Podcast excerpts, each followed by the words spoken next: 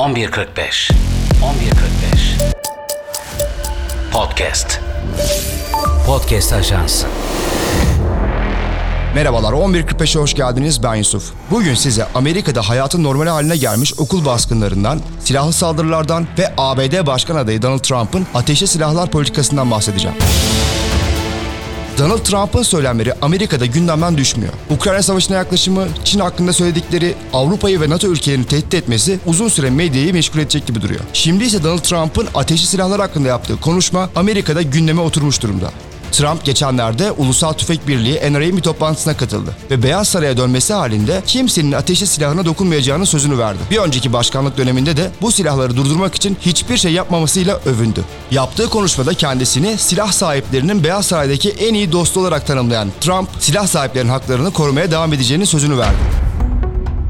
Amerika'da silah lobisi en güçlü lobiler arasında. Joe Biden ve Kamala Harris'in son iki yıldır düzenli olarak ateşli silahları kontrol altına alacağı söylemleri bu lobiyi kızdırmıştı.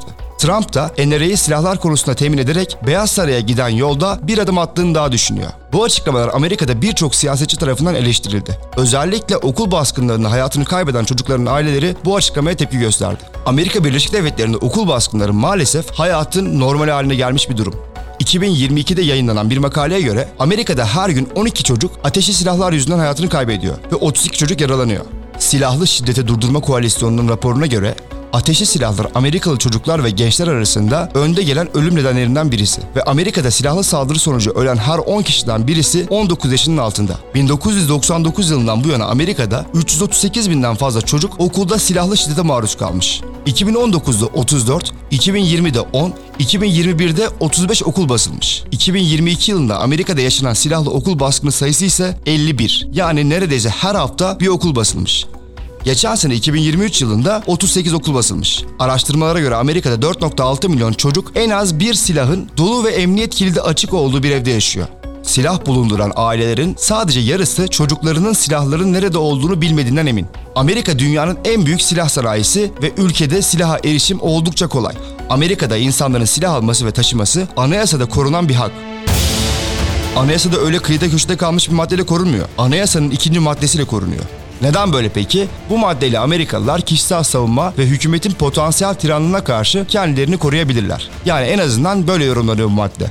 Amerikalıların marketten bir şeyler alır gibi silah dükkanına girip silah aldığını görmüş ya da duymuşsunuzdur. Peki insanlar nasıl oluyor da sakız alır gibi silah alabiliyor? Federal yasaya göre bir kişinin pompalı tüfek veya tüfek satın alabilmesi için 18, tabanca alabilmesi için ise 21 yaşını doldurması gerekiyor. Amerika'da eğer araba kullanmak istiyorsanız ehliyet sahibi olmanız gerekiyor. Bir ruhsatınız olması gerekiyor. Ancak satın alınabilen çoğu ateşli silah için böyle bir izne gerek yok. Silah şiddetini önleme hukuk merkezine göre yalnızca 14 eyalette silah sahibi olabilmek için izin almanız gerekiyor. Ve bu yasaların çoğu tüfekleri ve pompalı tüfekleri kapsamıyor. Amerika'da federal hükümet tarafından ruhsatlandırılan silah satıcılarının birine silah satmadan önce FBI'ye haber vermesi gerekiyor ve FBI'nin bir geçmiş taraması yapması gerekiyor.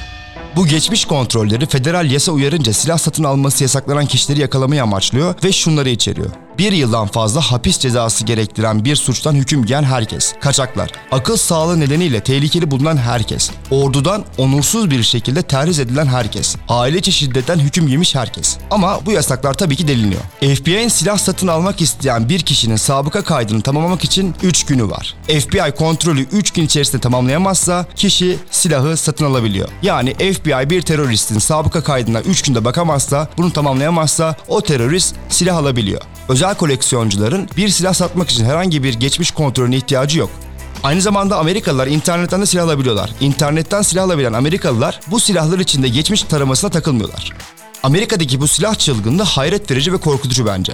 Tüfek, tabanca, otomatik silahlar hatta tank alan Amerikalılar var. İnternette küçük bir aramayla bunları bulabilirsiniz. ABC'nin bir haberine göre sadece 2023 yılında Amerika'da 40 binden fazla kişi silahlı saldırı sonucu hayatını kaybetmiş. Habere göre 2014 yılından bu yana her yıl ortalama 40 bin kişi ateşli silahlar yüzünden ölüyormuş. Geçtiğimiz Haziran ayında Başkan Joe Biden kongre tarafından kabul edilen bir silah güvenliği paketini kabul etmiş.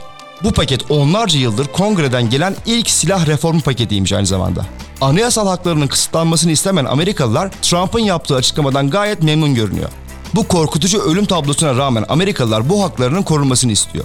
Trump NRA'de yaptığı konuşmasında bu ihtiyaca cevap verdiğini düşünüyor. Ve şunları ekliyor. Anayasamızın ikinci maddesi başkanınız olarak benim yanımda her zaman güvende olacaktır. Trump yaptığı bu açıklamalarla silah lobisini ve silah severleri memnun etmiş gibi duruyor. Ama akıllara tabii ki şu sorular geliyor. Acaba Amerika'da 2024'te kaç okul basılacak? Kaç kişi ateşli silahlar yüzünden ölecek?